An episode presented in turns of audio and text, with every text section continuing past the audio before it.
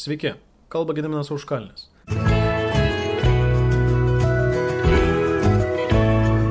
Vilniaus universiteto bibliotekos komunikacijos ir informacijos skyrius darbuotojas.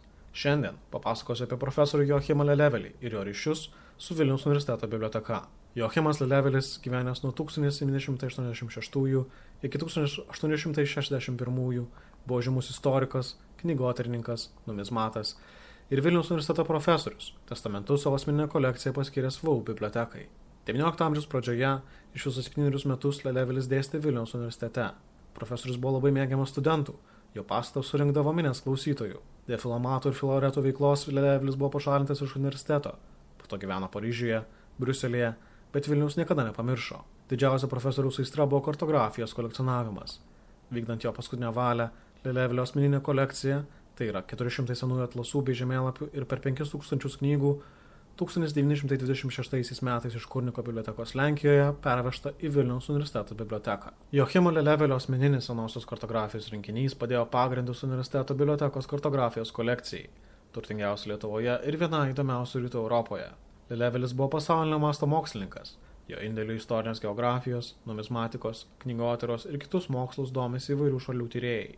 Lelevelio rinkinyje yra tokių šedevrų kaip Ptolemajo, Merkatoriaus ar Hondijos atlasai. Ypatingos vertės turi Lelevelio rankraštiniai žemėlapiai. Jo kolekcija sudaro net 70 procentų VAU bibliotekos senųjų atlasų rinkinio. Bibliotekos parengtoje Lelevelio atlasų skaitmininėje kolekcijoje 399 istoriniai atlasai.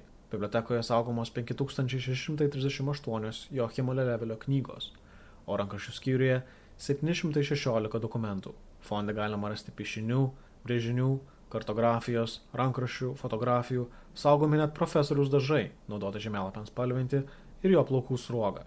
Rankraščių skyriuje esančiame Lelevelio fonde taip pat yra Stepono Batoro universiteto laikais į Vilnių atkeliavusi rankraštinė kartografija, kuri, nors mažiau tyrinėta ir mažiau žinoma, taip pat yra labai vertinga. Šio mokslininko atminimui pavadinta viena puošniausių universiteto bibliotekos salių. Joachimo Lelevelio salė buvo nesiniai atidaryta po restauravimo ir traukė žvilgsnius ne tik puošnę grafiko Jurgio Hopeno restauruotą barokinę ir paties kurtą sienų puošybą, bet ir restauratorių plafonę atidengtą jezuitų laikų freską, vaizduojančią studentų globėją šventąjį Stanislavą Kostką. Salę restauravusi įmonė Opus Optimum už puikų darbą gavo Lietuvos restauratorių sąjungos apdovanojimą. Salėje stovintis uosio baldų komplektas 20 amžiaus pirmoje pusėje pagamintas specialiai istoriko kolekcijai taip pat buvo rūpestingai restauruotas. Joachimas Levelis pats yra dirbęs bibliotekininko darbo Varšuvoje, dėstė bibliografijos kursą Varšuvos universitete, domėjosi knygos istorija ir inkunabulais. Varšuvos universiteto bibliotekoje jis dirbo trejus metus ir per tą laiką daug nuveikė bibliotekininkystės rytyje, sukaupė ir susistemino naujausias žinias. Savo patirtį Levelis suguldė į veiklą dvietas biografinių knygų, išleista Vilniuje 1823 ir 1926 metais. Šis sudėtingas tekstas tarp 2011 ir 2016 metų buvo išverstas į lietuvių kalbą ir išleistas Vilniuje. Leidinį praturtina autoriaus ranka pieštos iliustracijos ražiniai. Žymusis istorikas buvo ir gabus menininkas. Vilniaus universiteto piešimo ir tapybos katedros profesorius Jono Rustemo mokinys. VAU bibliotekoje saugomi jo teptukai, dažai ir kalkinis popierius, per kurį kopijuodavo. Tik jo dėka turime tokią unikalią senųjų atlasų ir žemėlapių kolekciją. Na, o smagiausias detalės palikome pabaigai.